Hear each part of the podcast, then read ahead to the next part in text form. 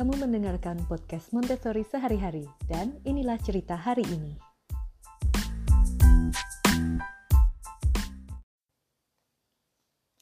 Halo, aku Damar.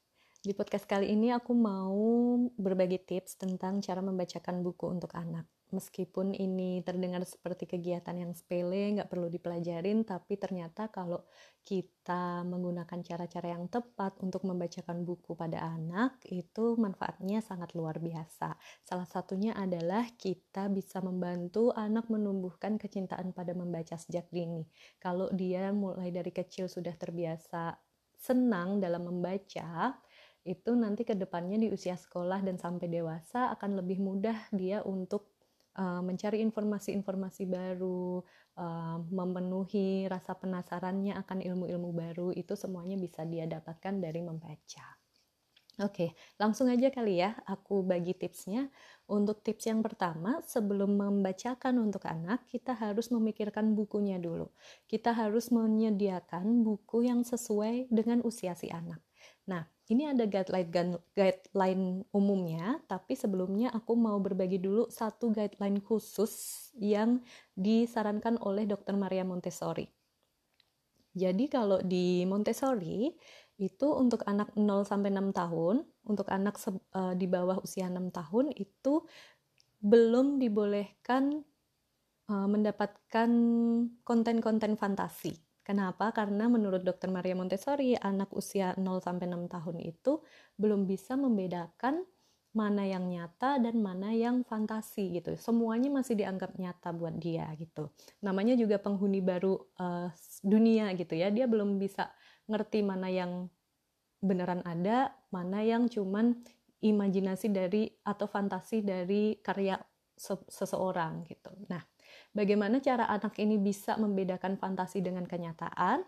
Caranya adalah dengan memperbanyak referensi pada eh, hal-hal uh, yang nyata dulu. Kalau dia udah tahu nih yang nyata tuh ini, yang bisa dia temuin di dunia dia sehari-hari tuh adalah ini ini ini gitu. Nanti dia baru bisa membedakan uh, mana yang nyata dan mana yang enggak gitu. Kalau yang dia tidak bisa temui di dunia sehari-hari berarti itu tidak nyata kayak gitu. Nah, tapi itu baru bisa ditangkap oleh otak anak itu setelah usia 6 tahun. Jadi, kalau di Montessori anak-anak usia di bawah 6 tahun itu kita berikan buku-buku yang berdasarkan pada realita.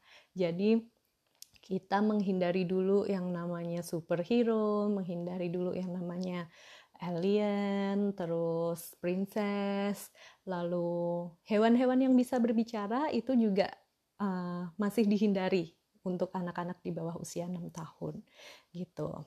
Uh, ketakutannya, kekhawatirannya adalah karena belum bisa membedakan antara hayalan dengan kenyataan, nanti anak menganggap semua itu nyata. Misal ada beruang yang bisa menyetir mobil, dia menganggap itu nyata. Misal ada princess yang hidup di uh, yang hidup bergelimang harta lalu teman-temannya uh, ganteng-ganteng kayak gitu. Nanti takutnya itu terserap sama dia itu sesuatu yang nyata gitu. Dan misalnya uh, cita-citanya nanti akhirnya akan menjadi seorang princess kayak gitu. Nah terlalu banyak mendapatkan asupan fantasi ini untuk anak 0 sampai 6 tahun bisa membuat anak menarik diri dari kenyataan gitu. Itu kekhawatiran yang uh, bisa bisa muncul gitu Lalu, oh ya, untuk aku sempat pernah mendapatkan beberapa pertanyaan kalau anak yang dari usia 0 sampai 6 tahun selalu dikasih hal-hal yang berbau realita,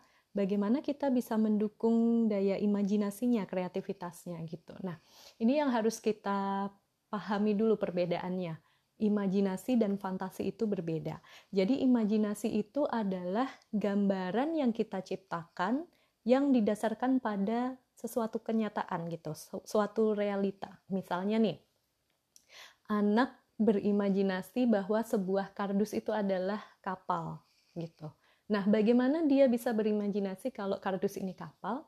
Karena dia pernah melihat kapal itu bentuknya seperti apa. Kalau dia belum pernah melihat kapal itu bentuknya seperti apa, dia tidak akan bisa mengoneksikan bahwa kardus yang tengahnya bolong bisa dimasukin uh, badannya dia itu adalah sebuah kapal gitu. Nah, uh, jadi jangan khawatir kalau kita perbanyak realita, konten realita untuk anak karena justru banyaknya konten realita ini menjadi fondasi dasar kreativitas dan imajinasi mereka. Makin banyak dia terpapar tentang realita, makin banyak dia tahu bahwa oh mobil tuh kayak gini, kapal tuh kayak gini, rumah tuh kayak gini, dia semakin bisa berimajinasi waktu dia bertemu kardus bekas, dia dia bilang itu rumah. Waktu dia bertemu dengan batu, dia bilang batu yang bulat, dia bilang itu bisa dijadikan roda kayak gitu. Nah, itu adalah imajinasi. Kalau fantasi itu adalah sesuatu yang benar-benar nggak bisa ditemukan kenyataannya di dunia ini. Nah, fantasi itu nanti next step-nya lagi. Kalau anak udah bisa berimajinasi, uh, dia akhirnya bisa bisa menggabungkan beberapa hal yang dia temui dalam realita dia dan dijadikan sebuah fantasi. Misalnya, dia mengambil uh, mengambil referensi berupa kuda dan burung dia, dia gabung jadi satu dia menjadikan itu kuda terbang. Itu adalah fantasi. Tapi lagi-lagi fantasi itu ditarik lagi uh, bisa terjadi setelah dia katam dengan realita dan imajinasi gitu. Jadi buat ibu-ibu jangan khawatir kalau uh, dikenalkan dengan realita realita realita di usia 6 tahun ke bawah nantinya nggak akan imajinatif imajinatif atau kreatif itu uh, adalah apa ya kekhawatiran yang sebenarnya tidak perlu dipikirkan gitu ya.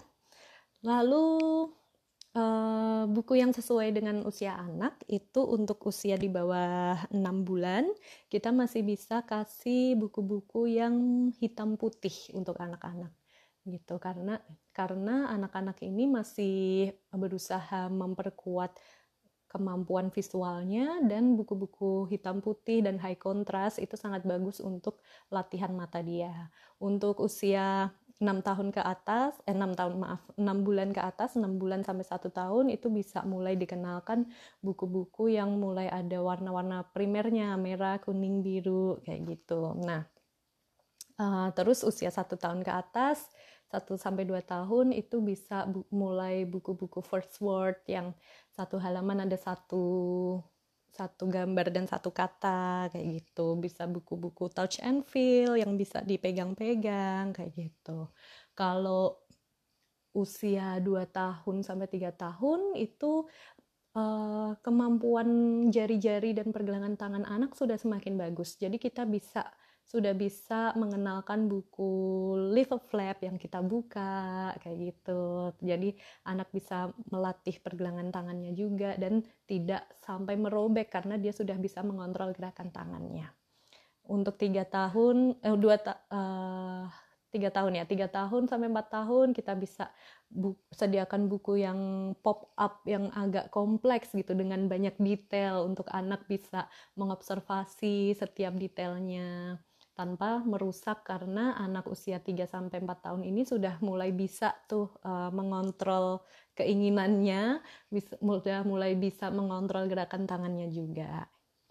Oke, nanti di usia 4 tahun sampai 6 tahun itu dia udah mulai bisa memahami cerita yang agak panjang, buku cerita, storybooks itu udah mulai bisa dikenalkan. Jadi kalau yang kemarin-kemarin biasanya bukunya belum terlalu ada cerita alurnya gitu di usia tiga tahun atau empat tahun ke atas itu udah mulai bisa cerita cerita simple gitu. Oke, okay, itu bagian untuk uh, pemilihan buku sesuai dengan usia anak. Lalu yang kedua tipsnya adalah uh, penataan buku. Jadi uh, penataan buku ini juga ada prinsipnya untuk anak-anak biar dia cinta membaca. Usahakan buku ini disimpan di tempat yang anak bisa mengambil sendiri. Kalau biasanya ibu-ibu uh, menyimpan bukunya di tempat yang anak nggak bisa ambil sendiri biar nggak di utak atik biar nggak di uh, berantakin itu sebaiknya justru jangan karena anak jadi apa ya kalau dia ingin membaca dia kayak harus mencari dulu orang orang dewasa di sekitarnya untuk mengambilkan untuk membacakan jadi apa ya keinginan untuk membacanya itu jadi agak tertekan gitu. Tapi kalau dengan penataan buku yang baik, misalnya disesuaikan dengan tinggi anak, rak bukunya, lalu sampulnya menghadap depan, uh, nyimpannya bukan miring kayak buku orang dewasa, tapi semuanya menghadap depan, sehingga anak bisa uh, dengan mudah memilih mana yang pengen aku baca gitu. Lalu uh, kalau bisa, kalau misalnya banyak bukunya sebaiknya disimpan dulu beberapa dan hanya di display 4 sampai 6 buku per uh, rak gitu. Misalnya di ruang keluarga cuman di cuman di display 4 sampai 6 buku, di kamar tidur cuman 4 buku kayak gitu. Jadi anak tidak overwhelm atau anak tidak uh, merasa um, apa ya? Tidak merasa terlalu banyak buku yang harus dia baca gitu dan akhirnya malah jadi berantakin berantakin buku doang gitu tapi kalau pilihannya cuma ada empat terus uh, semuanya menghadap ke depan dengan jelas dia bisa mengambil bisa fokus ke salah satu aja yang dia benar-benar pengen baca kayak gitu. Nanti kalau anak udah mulai bertambah usia, kita bisa menambahkan jumlah display bukunya. Oke, itu tadi penataan buku. Sekarang tips yang ketiga adalah cara memperlakukan buku. Jadi uh, kita dalam membacakan buku itu sekaligus memperlihatkan atau modeling cara kita memperlakukan buku dengan baik. Nah, caranya gimana? Caranya adalah kita menunjukkan bagaimana cara memegang bukunya gitu. Misalnya dengan kedua tangan, lalu diletakkan pelan-pelan ke atas meja atau ke atas karpet, lalu kita tunjukkan bagaimana cara membalik halaman yang benar gitu, yang baik, yang pelan-pelan, yang tidak akan merusak halaman gitu. Dan uh, kita juga tunjukkan cara memperbaiki kerusakan. Misalnya nih anak tidak sengaja karena dia belum bisa mengontrol gerakan tangannya, kadang anak tidak sengaja saat membalik justru malah robek halamannya. Nah itu kita nggak perlu marah, kita cukup bilang, oh uh, tadi buka halamannya terlalu kencang ya, jadi robek gitu. Nah, kalau robek ini kita langsung ambil selotip aja yuk nak, kita perbaiki bersama-sama biar bukunya bisa kita pakai lagi gitu. Nah, kita langsung tuh uh, perbaiki bersama si anak kerusakan itu di saat itu juga. Jadi anak belajar menghargai buku dan cara memperlakukannya sejak dini. Lalu Oh ya, usahakan dalam menyimpan buku itu dibedakan raknya dengan rak mainan. Ini juga untuk memberitahu anak bahwa cara memperlakukan buku itu berbeda dengan cara memperlakukan mainan karena buku bukanlah mainan gitu. Itu tips yang ketiga. Tips yang keempat adalah modeling. Jadi uh, ini yang aku sering berpesan kepada orang tua. Jangan sampai kita pengen banget anaknya disuruh cinta baca, pengen banget anaknya uh, sering membaca, tapi kita sendiri lupa untuk membaca untuk diri kita sendiri gitu. Jadi uh, akan sulit sih kalau kita pengen anak kita suka membaca, tapi dia tidak pernah melihat orang tuanya membaca untuk dirinya sendiri gitu. Jadi um, modeling ini sangat penting usahakan dalam sehari misalnya ada di, waktu yang di, dikasihkan untuk kita sebagai orang tua membaca untuk kepentingan kita sendiri. Bisa membaca koran, bisa membaca buku, bisa membaca majalah apa pun. Uh, tapi hindari kalau bisa hindari membaca dari gadget. Kalau bisa harusnya uh, yang hard copy gitu ya biar anak anak nggak kalau itu anak ngerti kalau itu tuh sedang membaca bukan uh, mainan gadget Nah, usahakan nih 5 sampai 10 menit atau 15 menit kita membaca di depan si anak gitu, membaca untuk diri kita sendiri. Nanti dia akan melihat bahwa oh membaca itu sesuatu yang menyenangkan, membaca itu sesuatu yang disukai oleh orang tuaku dan dia akan menyerap itu, dia akan uh, menumbuhkan rasa cinta baca juga di dirinya sendiri. Oke, itu yang keempat. Yang kelima, pilih buku yang disukai orang tua juga. Nah ini cukup penting. Kadang kita uh, cuman mikirin, wah ini anakku bakalan suka, ini anakku bakalan suka gitu. Tapi terus kita lupa bahwa anak nantinya kalau dia suka sama buku itu, dia akan meminta kita mengulanginya puluhan bahkan mungkin bisa seratus kali.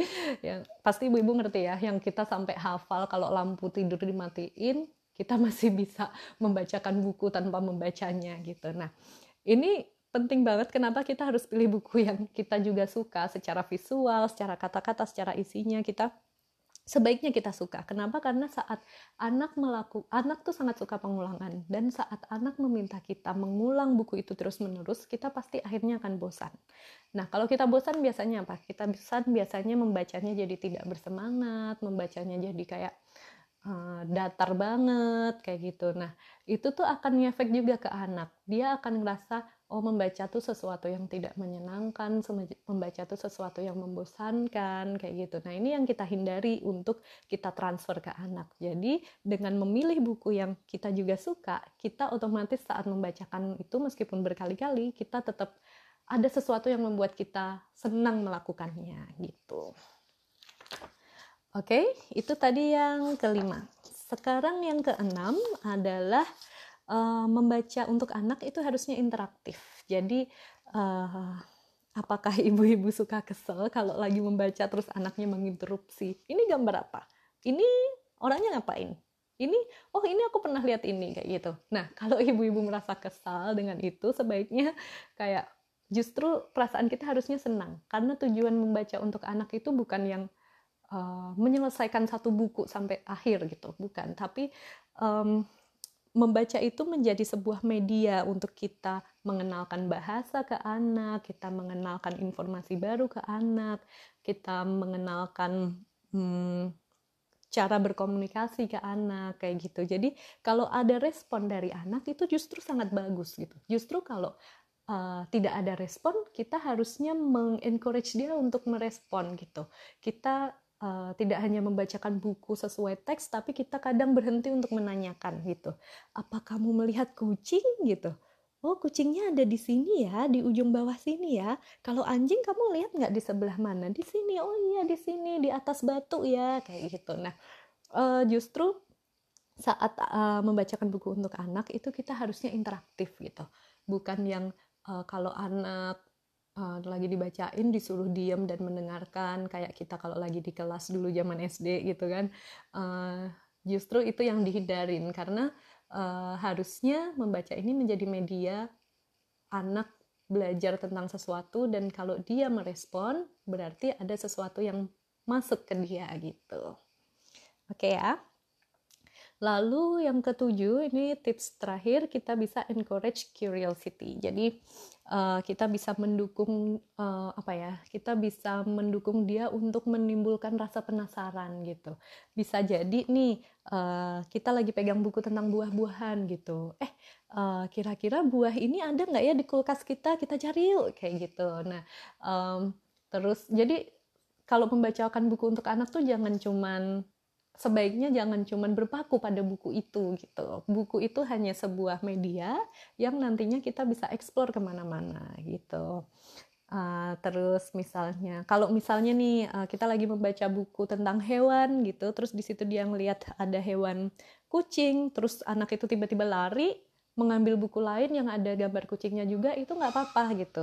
Oke oke sini kita bandingkan kunci kucingnya gitu. Oh yang ini warna putih ini warna mer warna hitam gitu. Terus um, nanti kita ajak diskusi anaknya kayak gitu. Nah ini bukan berarti anak jadi kalau kita khawatir anak tidak bisa apa ya menunggu satu buku selesai terus uh, dia tiba-tiba membaca buku lain bukan gitu. Tapi uh, lihat kayak gini nih uh, ini adalah latihan saat nanti suatu hari dia mencari informasi di satu buku dan dia butuh informasi lain, dia akan bisa merefer ke buku lain kayak gitu. Karena uh, nantinya justru kayak gitu tuh yang dibutuhkan di sekolah, di kuliah kayak gitu. Kita tidak bisa cuman uh, punya referensi dari satu buku aja. Kadang kita kayak dari buku ini kita di refer ke buku yang lain, ke buku yang lain, ke buku yang lain dan akhirnya kita menggabungkan semua informasi dari berbagai buku yang dibaca.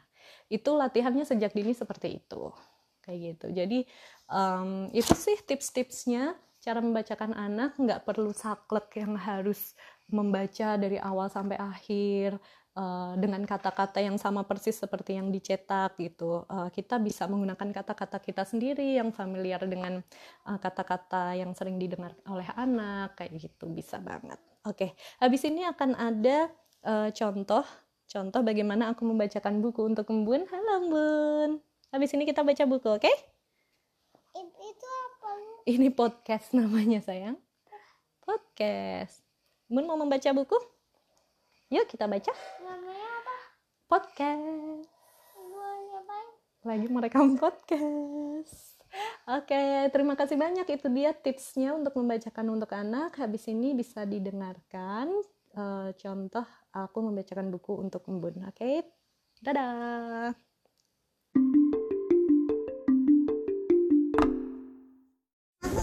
Buku, Bu.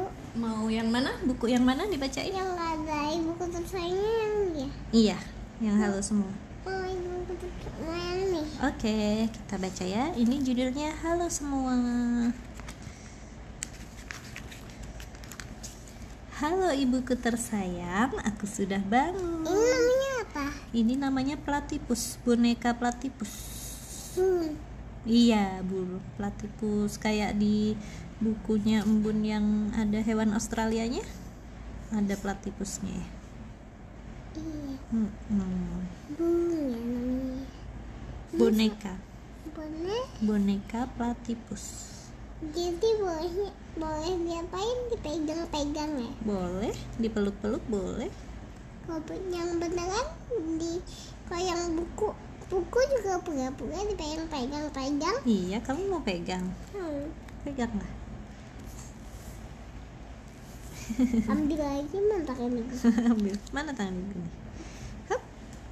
Dimasukin lagi ke buku. Hap. Tuh. Kenapa? Kenapa?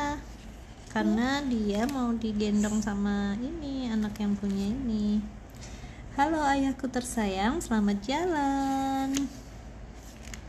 Ini ayahnya mau kerja, terus dicium sama anaknya. Selamat jalan ayah, hati-hati ya. Nan- Nanti pulang ketemu lagi ya kita main ya. Dia bilang gitu. Halo kakak tetangga, mau les piano? Ini ini Kak Feby yang bawa tas. Oh, yang bawa tas kakak Febri. Kalau yang bawa tas Raja Embun, kalau yang bawa sepatu besar ibu. Oke, mboknya di mana ya? Pokoknya lagi bersih bersih. Oh, mboknya lagi bersih-bersih.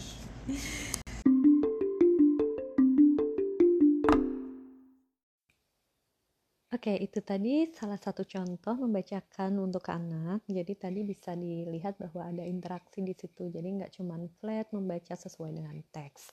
Em, oh ya, ada sedikit tambahan. Tadi aku lupa menyebutkan kalau eh, kita display hanya 4-6 buku aja, lalu buku yang lainnya dikemanain, itu bukunya kita simpan dulu, nanti kita jadikan bahan untuk rotasi. Jadi misalnya setiap seminggu sekali kita ganti buku yang di display dengan buku yang kita simpan. Jadi em, anak tidak akan bosan dan anak juga tidak akan overwhelmed dengan banyaknya eh, buku yang di display gitu.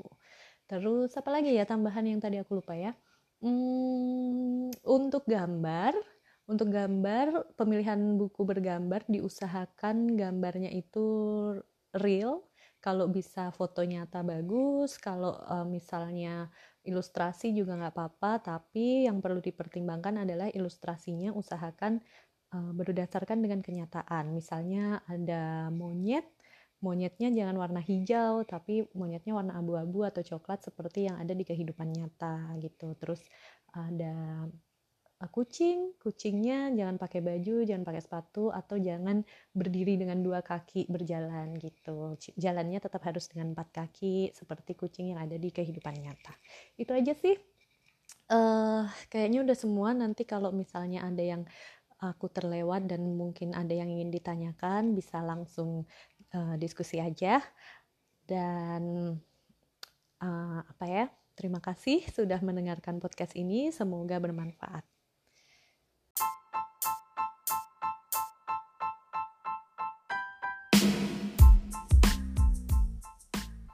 Hai, terima kasih sudah mendengarkan podcast Montessori sehari-hari. Sampai ketemu di cerita sehari-hari yang lain.